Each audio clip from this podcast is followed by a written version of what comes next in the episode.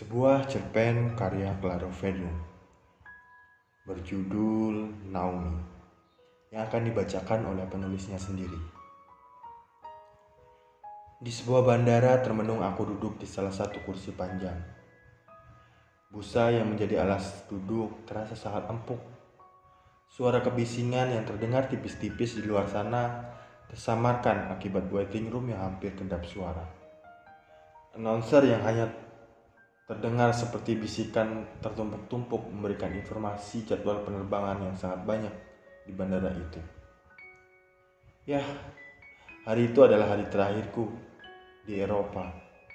Selama lima tahun tinggal di kota ini, aku menemukan banyak ambisi gila dan mengenal banyak orang dengan mimpi yang tidak masuk akal.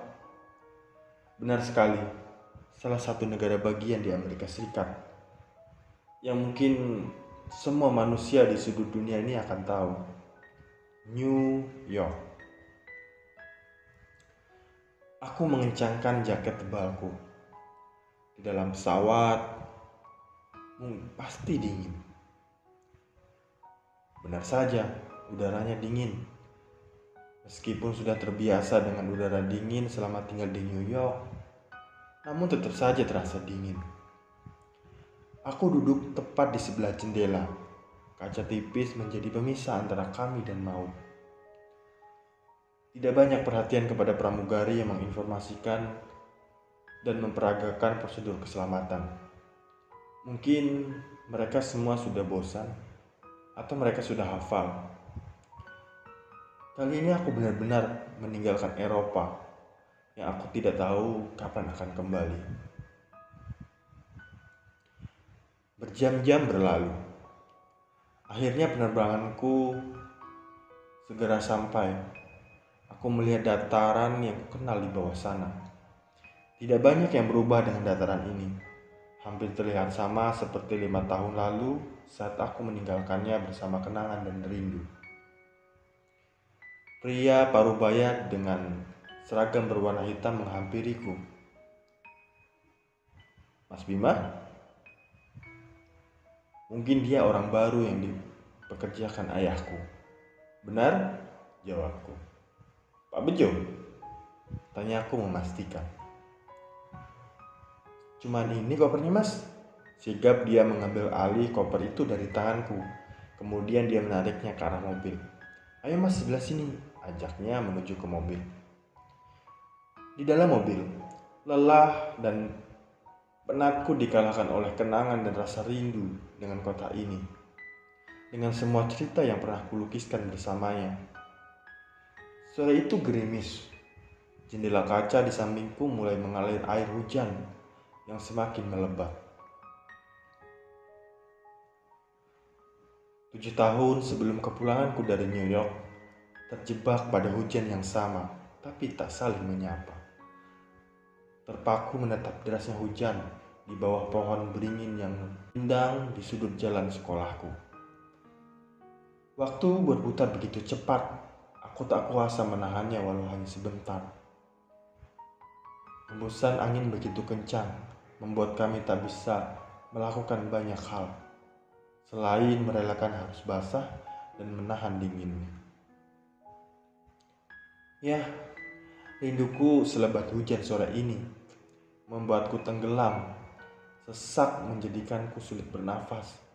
Dinginnya menusuk menembus kulit hingga ke tulang. Berharap dia datang menggapai tanganku, mengangkatku, dan mengobati rindu yang menenggelamkanku. Saat itu kita sangat dekat. Bahkan sesekali siku kita bergesekan dan sesekali dia berlindung di balik tubuhku, berusaha menghindari dari hempasan angin kala itu. Namun meski sedekat itu, kita tidak menyapa, meski hanya sepatah kata. Enam tahun berlalu perasaanku tidak pernah berubah, masih sama seperti pertama kali aku jatuh cinta padanya. Menjaganya, memastikan keadaan yang selalu baik, adalah prioritas pertama yang benar-benar ingin kulakukan saat itu. Aku tak pandai berkata-kata, apalagi kepadanya. kepada perempuan secantik Naomi. Kami baru saja naik kelas 2 SMA. Dia agak sedikit pendiam. Rambutnya panjang terurai di kebahunya. Kacamata bulat besar bertengger di hidungnya. Awal-awal kami masuk kelas, aku punya kesempatan untuk berkenalan dengannya. Namun, apa yang kita inginkan tidak selalu tercapai. Terkadang, takdir berkata lain. Kesempatan itu begitu saja sirna akibat sikap pengejutku. Sejak dulu aku tidak punya keberanian jika berurusan dengan wanita.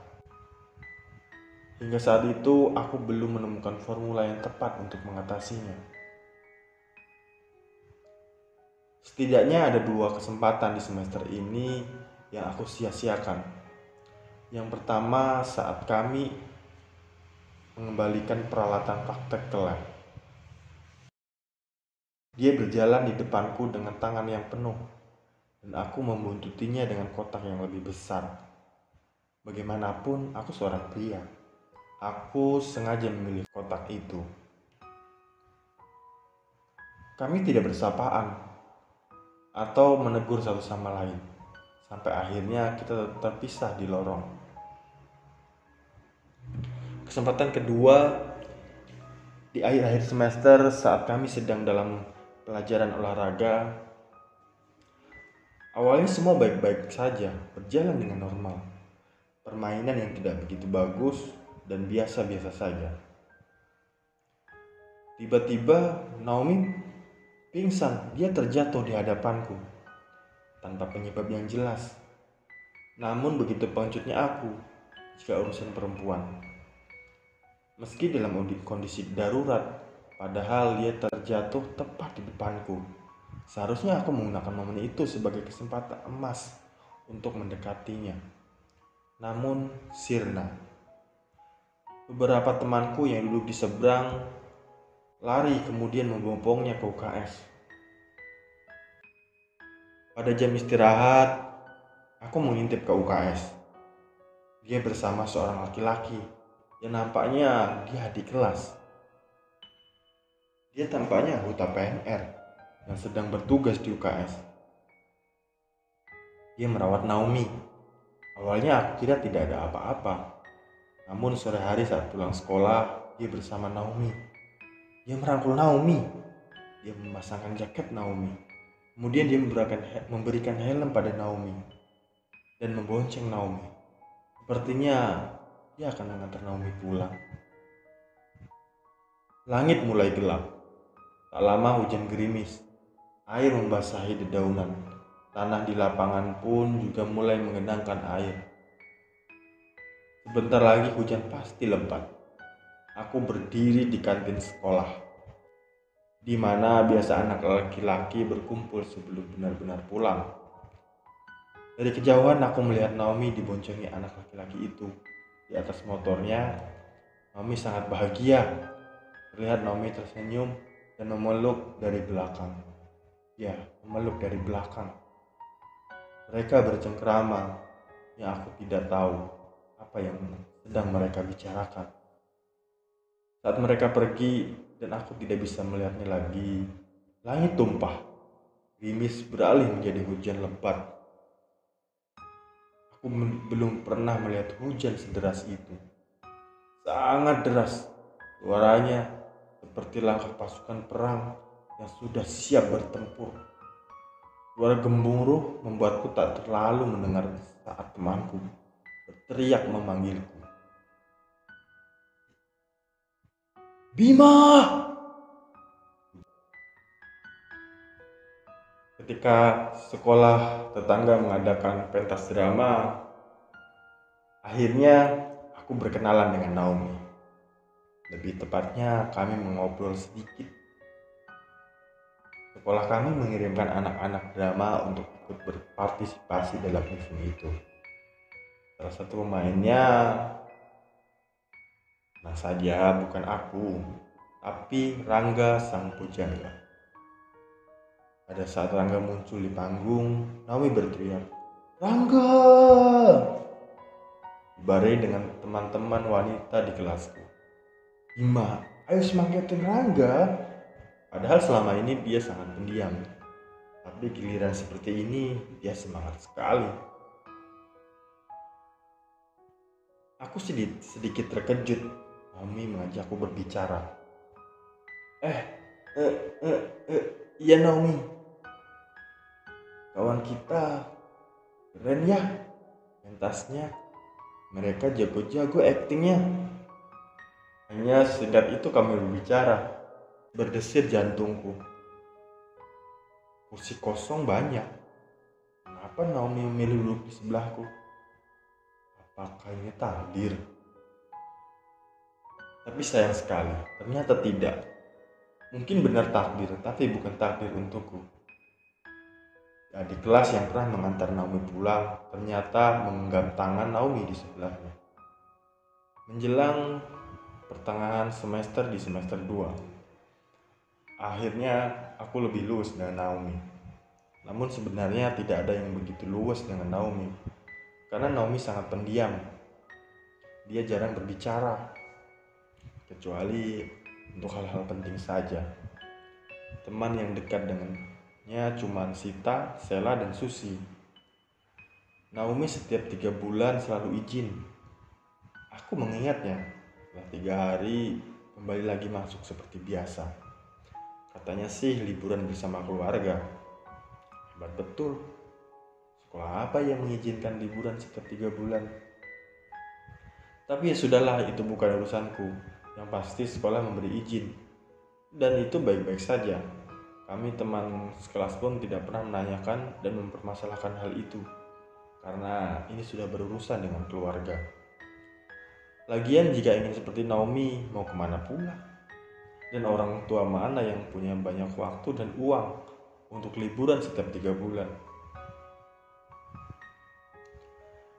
Akhirnya aku mempunyai kesempatan lebih dekat dengan Naomi. Pada saat itu wali kelas kami jatuh sakit. Pada jam pelajaran kami diizinkan menjenguk beliau.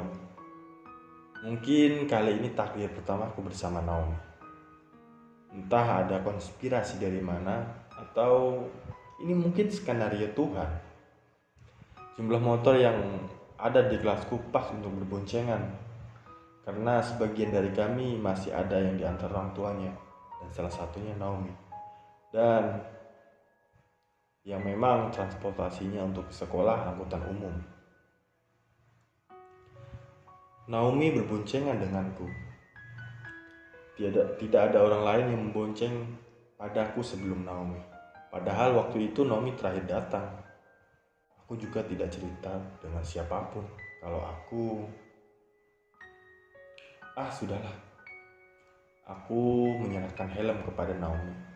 Helm itu selalu ada di dalam jok motorku buat jaga-jaga saja pikirku. Karena kesempatan seperti ini tidak akan pernah terulang kan? Eh, Naomi, canggung plus grogi. Nervous, semua jadi satu. Sembari memberinya helm. Eh, Bima, kenapa kamu gak suka ya? Biar aku tuker sama yang lain nih, kalau kamu gak suka. Mm, enggak kok. Dia naik saja, kemudian mengenakan helmnya. Duduk menyerong. Pangkal lengannya menempel di punggungku. Kami satu kelas konvoy. Depan pos satpam, kami beramai-ramai menekan klakson. Di jalan, nah, nah Naomi, hmm, kok lo pendiam sih? Dia menepuk bahuku dengan lemah. Hah? Kok gua pendiam? Kok lo pendiam juga sih? Tanyanya balik sebuah keadaan atau kondisi yang entah bagaimana menyikapinya. Saat kami hening, terdiam, malah berujung kami tertawa bersama. Lo sombong mukanya. Eh, songong. Eh, bukan. Lo galak kelihatannya. Kataku bingung memilih kata yang tepat agar dia tidak marah. Nomi diam. Bahkan dia galak salah ngomong padahal udah berusaha memilih kata yang tepat agar tidak membuatnya marah Oke, itu saja part pertamanya. Nanti kita sambung di part keduanya.